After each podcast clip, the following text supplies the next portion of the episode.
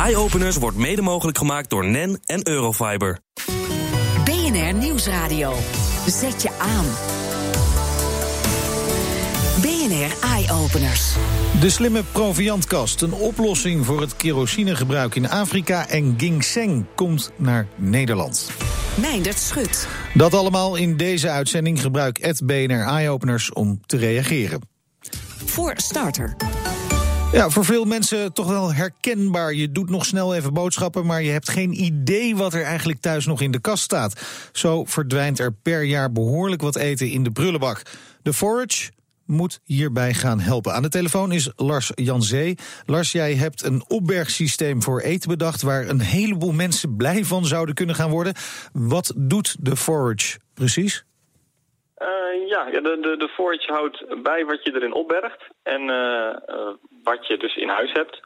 Door te meten kan die chips op het eten herkennen, waardoor hij weet zeg maar, ja, wat er in de kast staat. En daarnaast weegt hij het ook, waardoor hij precies weet hoeveel er nog van iets is. Dus je hoeft er zelf heel weinig aan te doen om precies je voorraad uh, bij te houden. Ja, eigenlijk dus gewoon een hele slimme kast. Uh, internet of Things. Is hij ook aangesloten op het internet? Ja, ja dat is wel het, uh, de bedoeling. Zodat als je in de winkel staat het ook even kan bekijken. Want dan is het natuurlijk het moment dat je het het hardste nodig hebt. Nou ja, dan pak je je smartphone erbij en via een app zie je dan precies wat je in je kast hebt staan en wat niet meer.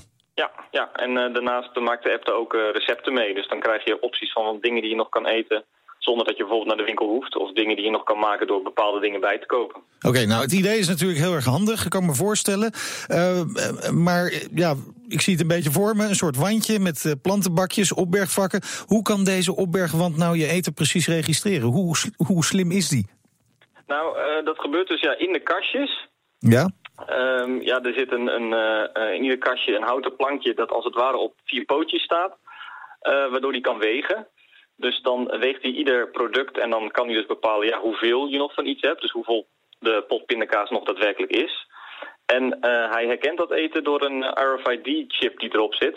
Die kan de kast uh, vanuit die plank van een afstand lezen en dan weet hij, oh, dat is de pindakaas. Oké, en dan dus zo slim is hij. Hij weet wat, wat er staat, hoe lang dat nog geldig is en hoeveel er nog in zit bijvoorbeeld. Ja, ja daarin uh, neemt hij ook de houdbaarheidsdatum mee. Dus okay. als dingen op moeten, dan zal hij ook waarschuwen van... Oh, dit moet binnenkort op, anders dan kun je het zo weggooien. Nou denk ik van ja, als hij dan toch zo slim is... waarom doet hij niet zelf ook even lekker de boodschappen? Dan hoef ik ook niet meer naar de winkels toe. Nou ja, dat zou wel een, uh, een gevolg kunnen zijn. Want als hij weet wat jij bijvoorbeeld altijd al in huis wil hebben... omdat je altijd bijvoorbeeld hetzelfde als ontbijt eet dan zou die dingen die je al uh, bijna op zijn op dat gebied, zou die al kunnen bestellen. Dus dan voordat je al in de gaten hebt dat ze bijna op zijn, zijn ze alweer okay. uh, aangevuld. Aangevuld, dan hoef je er nooit meer over na te denken. Trek je alleen maar de kastwand open. Uh, nou heeft niet iedereen evenveel ruimte hè, in zijn huis. kun je dit bijvoorbeeld ook gewoon onder de trap in de kast in de gang in gaan bouwen? Uh, ja, dat zou kunnen. Uh, het, is, uh, ja, het is een modulair systeem. Het zijn die kastjes die hangen aan een rek. Dus je kan zelf bepalen waar je een kastje uh, aan het rek wil hangen. En zo zou je dus ook met een kleiner rekje en wat minder kastjes iets ergens ja, kunnen, kunnen inbouwen. Je maakt het in ieder geval gemakkelijk hè, voor de mensen die uh, zo'n forage in huis halen. Maar heb je nog andere doelen die je hiermee wil bereiken? Uh, nou ja, dit is vooral erg bedoeld om het, uh, ons uh, ja, eten dat we thuis weggooien, om dat flink te verminderen. Omdat we nog ja, thuis veel te veel eten weggooien. En dat eten is uh, daarnaast ook het meest vervuilende uh, voedselafval, omdat het door de hele keten al is geweest. Het is al vervoerd en gekoeld, het heeft in de winkels gelegen en dat heeft heel veel energie gekost. Die je dan gewoon uh, weggooit. Weg met de voedselverspilling samen met de Forage. Dankjewel Lars Janzee en heel veel succes verder met het ontwikkelen van deze kast. BNR Nieuwsradio. BNR Eye Openers. Startup Cicelo Mello heeft een duidelijke missie. Weg met de gevaarlijke kerosine die wordt gebruikt om te koken in landen als Afrika. Want er gebeurt er heel veel. Een uh, nieuwe biobrandstof geproduceerd met lokaal afval moet het verschil gaan maken. Bij mij in de studio Roy Hendricks uh, van Cicelo Mello. Uh, en Jan Meiling van Startlife. Ja, maar we beginnen even met Cicelo Mello. want Roy Hendricks, hoe ben je op het idee gekomen? Uh, nou, afgelopen zomer zijn we met een uh, groep studenten uh, naar de Summer School geweest van Climate Kick. Dat is een Europees programma. Dan ga je vijf weken op pad. Ga je met een groep van 40 studenten ga je eigenlijk een businessplan ontwikkelen. Dat moet te maken hebben met duurzaamheid of iets, iets in die richting. Mm -hmm. En zo zijn wij eigenlijk elkaar tegengekomen. We zijn een groep van vier jongens. Uh, eentje ook nog uit Wageningen, Jacob, die ken ik al. En dan nog twee andere. Eentje uit België en eentje uit, uh, uit Frankrijk. En um, nou ja, we waren al bezig eigenlijk met het idee om in, in India of in een van dat soort landen um, biovergisters te installeren. Op huishoudniveau ook. Ja. Dus om met überhaupt al de link met koken, maar ook om, om te kijken hoe we iets met huishoudelijk afval kunnen doen. En toen hadden we een presentatie um, van iemand die vertelde over het kerosineprobleem. En daar wisten we eigenlijk bijna nog niks van af. Maar toen hoorden we dat het echt een enorm groot iets is. En bijna de helft van de wereldbevolking die kookt ook nog steeds met kerosine. Ja, laten we even de problemen benoemen. Hè, ja. dan, want er wordt gewoon thuis uh, in, in hutten wordt er gekookt op kerosine. Ja. Het is bepaald niet echt een heel fijn goedje. Maar het is vooral heel goedkoop. Maar uh, mensen kunnen er ook door sterven. Doordat er allemaal nare dingen gebeuren. Wat, wat kan er allemaal gebeuren ja. met het koken op kerosine? Uh, er zijn eigenlijk drie hele grote problemen mee. Uh, het eerste probleem is dat het heel erg brandbaar is. Dus je hebt heel grote ongelukken. Dus dat, uh, dat is vrij vluchtig? Vrij vluchtig inderdaad. Dus je hebt gewoon momenten dat er een, ergens in een Afrikaanse township uh, een, een, brand uitbreekt. En dat er honderden shacks gewoon afbranden. waar vaak ook vele doden bij zijn en gewonden bij zijn. dus dat is één. Twee, het is, ziet eruit als water. En hoe het gekocht wordt, is dat mensen gaan gewoon naar een klein winkeltje ergens in een township. Ja. En daar staat gewoon een tank van 200 liter met kerosine. En dan komen ze met een plastic flesje, gewoon een, gewoon een bottle die uh, Coca-Cola of zo, of ja. whatever. En dan vullen ze dat gewoon bij voor 100 milliliter, 200 milliliter. Want ze hebben niet genoeg geld om een hele hoop in één keer te kopen. En dan staat dat flesje staat dan thuis. En dan denken die kleine kinderen van, nee, dat is water. Dus uh, zo worden 80.000 kinderen per jaar uh, vergiftigd. 80.000? In Zuid-Afrika alleen. In Zuid-Afrika alleen. Ja. Dus kun je nagaan hoeveel er nog meer uh, inderdaad vergiftigd raken... in de rest van Afrika en misschien ook andere delen van de wereld. Precies, precies. Gewoon omdat kinderen denken dat het water is. Ja.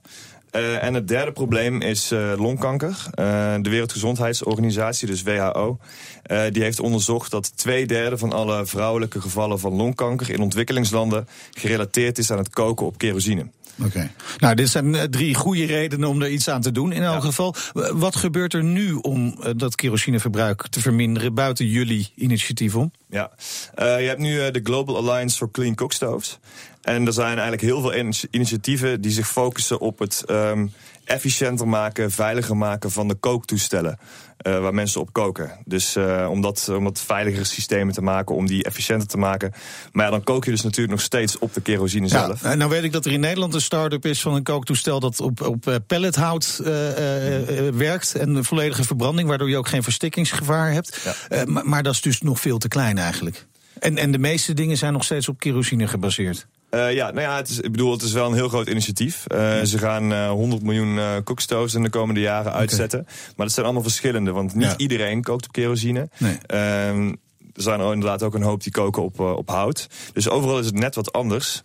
Uh, maar voor iedereen moet je eigenlijk een oplossing zien ja, te vinden. En uh, wij kijken echt naar de input. Ja, nou, daar heb je twee dingen te maken. Ten eerste moet die brandstof die jullie dus ontwikkelen... moet uh, aan die voorwaarden voldoen. Hè, dat mensen inderdaad geen kanker van krijgen, niet van stikken... dat kinderen het niet gaan opdrinken.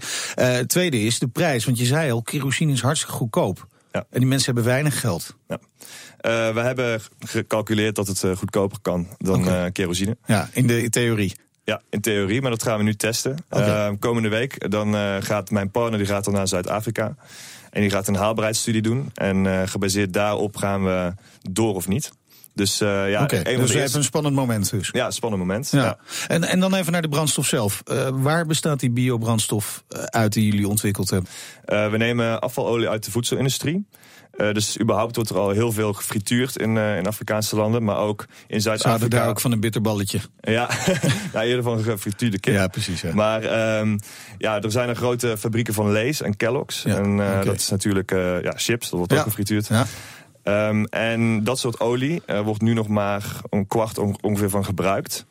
Um, als, het, als het al een keer gebruikt is voor het frituren. En dat kunnen wij gewoon heel goed gebruiken. Dus gewoon een afvalstroom.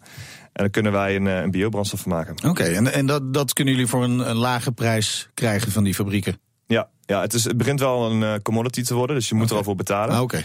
maar dat, uh, dat hebben we al in begrepen. Okay. Ja. Goed, nou hebben jullie voor dit project uh, microkrediet gekregen van Startlife. En daarom is Jan Meiling hier ook in de studio. Jan, kun je mij allereerst even vertellen wat Startlife precies doet? Ja, natuurlijk. Startlife werkt al een jaar of acht op de campus in Wageningen. Het is een centrum voor ondernemerschap en een start-up incubator. Dus we proberen zowel eh, studenten en onderzoekers eh, te stimuleren en te kietelen om te gaan ondernemen. En als ze dan zover zijn, ondersteunen we ze daar ook in. Ja, en waarom hebben jullie dit project uh, ondersteund? Waarom hebben jullie hiervoor gekozen? Nou, dit waren vier typische studenten uit verschillende landen, zoals je gehoord hebt, die uh, eigenlijk al van nature ondernemerschap als het middel zagen om een probleem op te lossen. En uh, ik denk dat deze jongens het goed begrepen hebben. Dat, uh, kijk, een voorlichtingscampagne kan mooi zijn, maar ik denk dat middels dit initiatief er eigenlijk veel meer impact uh, Maar waar hadden ze jullie steun dan precies voor nodig? Nou, Want ze waren al ondernemend kennelijk. Inderdaad, de steun zit hem denk ik vooral in ons netwerk en in onze fondsen die we hebben.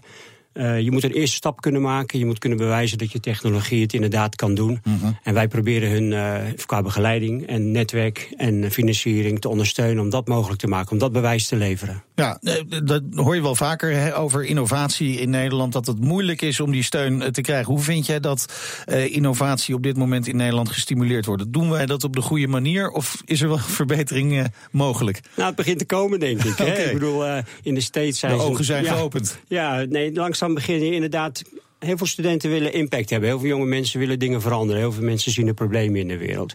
En ik denk dat we steeds meer uh, leren herkennen en erkennen dat ondernemerschap gewoon een heel krachtig middel is om dingen te veranderen.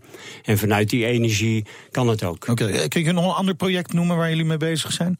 Ik zou bijna zeggen ontelbaar. We begeleiden ik denk een 120-tal start-ups, allemaal in uh, voeding, agrotechnologie en de biobased economy. Ook het typische onderzoeksdomein van Wageningen.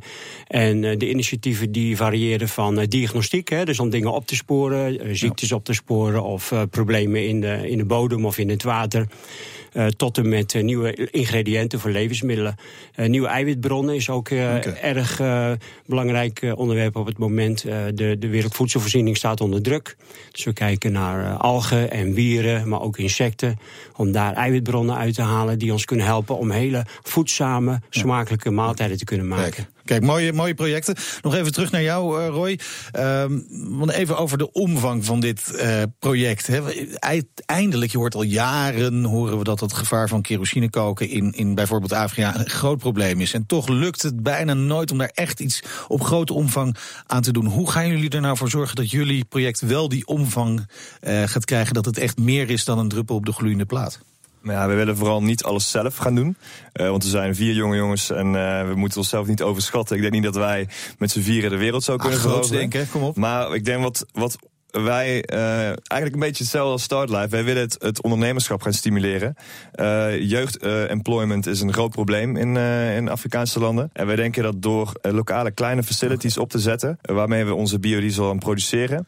ik denk dat we daarmee heel veel impact kunnen creëren en ook heel snel kunnen opschalen. Dus heel snel uh, andere mensen kunnen aantrekken om te zeggen van hier, jij wordt de baas van deze, um, van deze ja, facility. En als het lokaal geregeld wordt, zal de acceptatie dan ook groter zijn? Ja, dat uh, gaan we wel vanuit, maar dat is natuurlijk ook nog testen. Ja, nou heel veel succes daarmee, dank jullie wel uh, voor de komst naar de studio. Roy Hendricks en Jan Meiling. Lees meer over dit onderwerp natuurlijk weer op bnr.nl slash eyeopeners.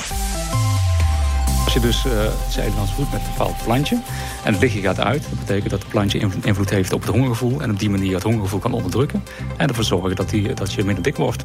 Nederlandse wetenschappers onderzoeken grondig de geneeskrachtige werking van de Chinese ginsengwortel. BNR Nieuwsradio. Zet je aan.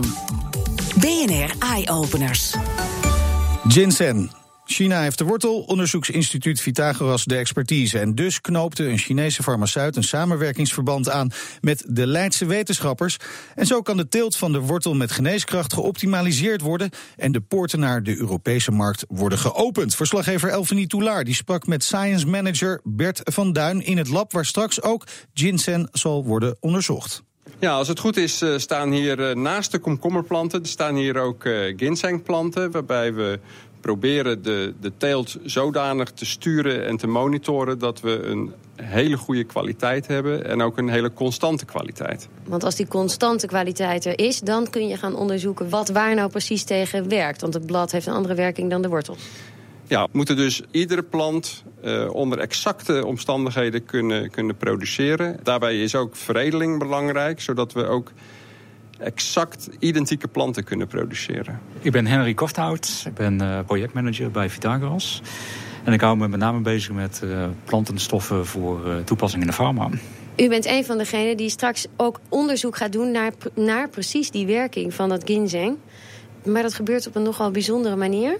Ik heb daar net een plaatje van zien, dus ik loop even naar een kamertje. Oh ja, hier, hier hangt het. Op een ijskastje. Altijd handig om uh, uit te leggen wat we nou precies doen. Uh, nou, we maken gebruik van uh, ethisch verantwoorde dier, diermodellen. eentje daarvan is de neemmethode C. elegans. Dat is een heel klein C. elegans? C. elegans is de Latijnse moeilijke naam.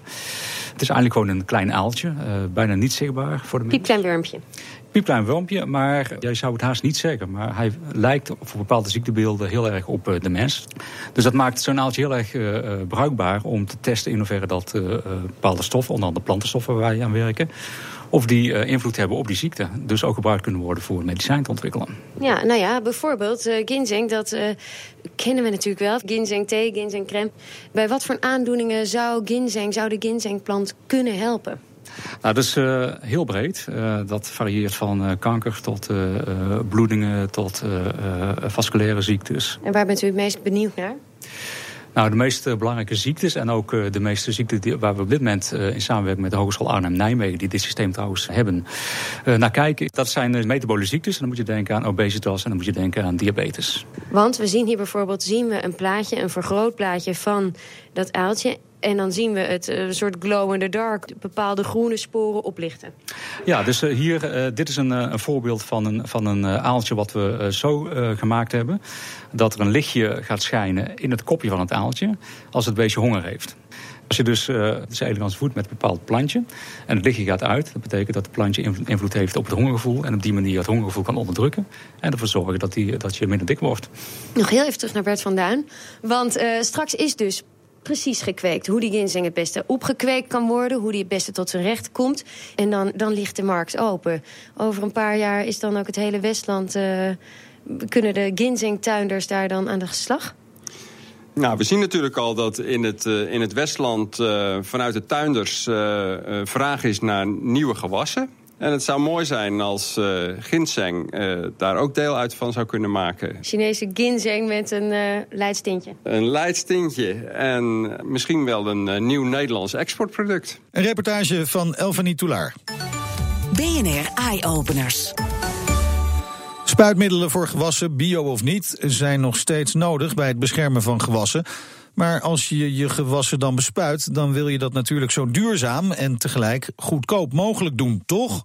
Nou, met dit idee in het achterhoofd is de Wingsprayer ontwikkeld. Bij mij in de studio Harry Hoeben van de Wingsprayer. Welkom, leuk dat je er bent. Dankjewel. Uh, ja, je was hier anderhalf jaar geleden ook al eens bij BNR uh, in een uitzending. Uh, want je bent al enige tijd bezig met dit project. Maar er moesten in die afgelopen anderhalf jaar nog wat zaken opgelost worden, begrijp ik. Ja, en die zijn inmiddels ook opgelost. We hebben, na aanleiding van de uitzending, hebben een aantal dingen opgelost. Eén, dat was het uh, probleem met uh, de boerenorganisatie zelf, dat uh, die nu achter mijn project staan en ook het project ondersteunen met een financiële regeling die op kan lopen tot 2500 euro per machine ongeveer.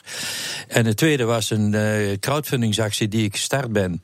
En ik moet zeggen, toen ik van de uitzending uit naar huis reed, toen kreeg ik al een bericht dat ik iemand uh, 5000 euro wilde doneren. En dat ook een paar dagen later gedaan heeft. Ah, kijk, lucratief business om hier in de uitzending te zijn natuurlijk. Zeker weten. op deze ja. manier. Maar heel even naar het conflict met uh, LT, uh, LTO was dat. Uh, wat, wat hield dat conflict in? Waar waren ze boos over? Nou, ze waren niet zozeer boos, maar ik had het idee dat ze mij niet ondersteunden. Terwijl het, het wingspreersysteem toch een systeem is wat alle boeren kan helpen bij hun eigen aanzien te verbeteren. Omdat er heel veel minder meerbelasting plaatsvindt bij het spuiten van, van de gewassen. Ja, laten we daar eens even op gaan focussen. Hè? Die wingsprayer, niet iedereen zal hebben geluisterd anderhalf jaar geleden. Of het staat misschien niet meer heel scherp voor ogen.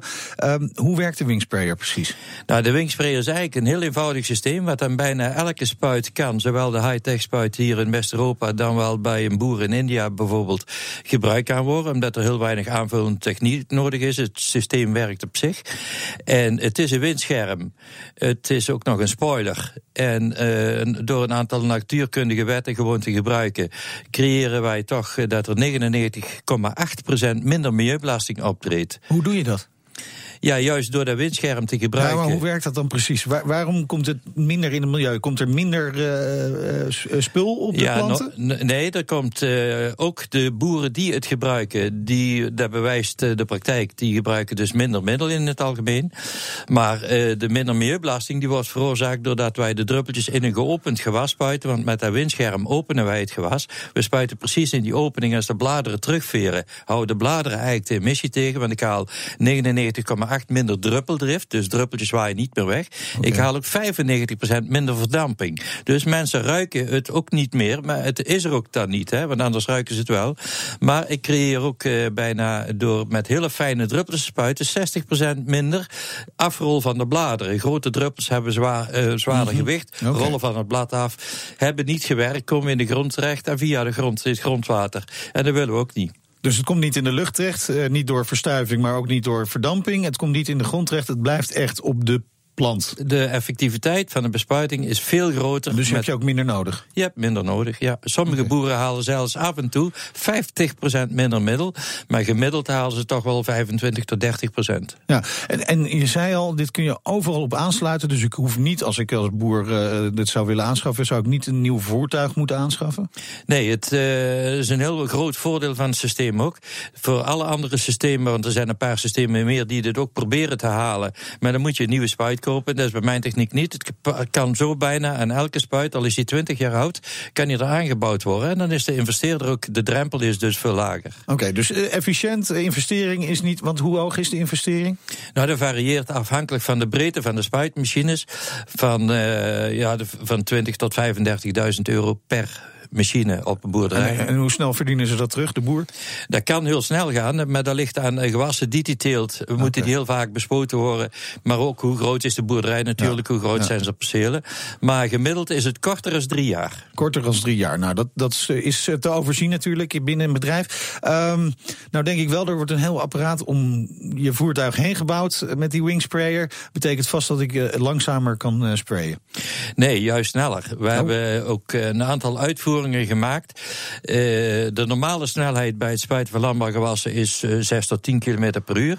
Maar goed, de boerderijen worden groter, de percelen worden groter. Boeren gaan dus ook harder rijden, waardoor normaal meer drift ontstaat. Ja. Maar juist met mijn techniek minder. En wij hebben de techniek getest tot uh, eh, 18 km per uur kunnen wij hem heel goed gebruiken, zonder emissie. Maar we hebben een tweede type ontwikkeld voor de boeren in, uh, in uh, Amerika, zeg maar, maar ook Australië of het Oostblok, waar ze tot 30 km per uur nu rijden.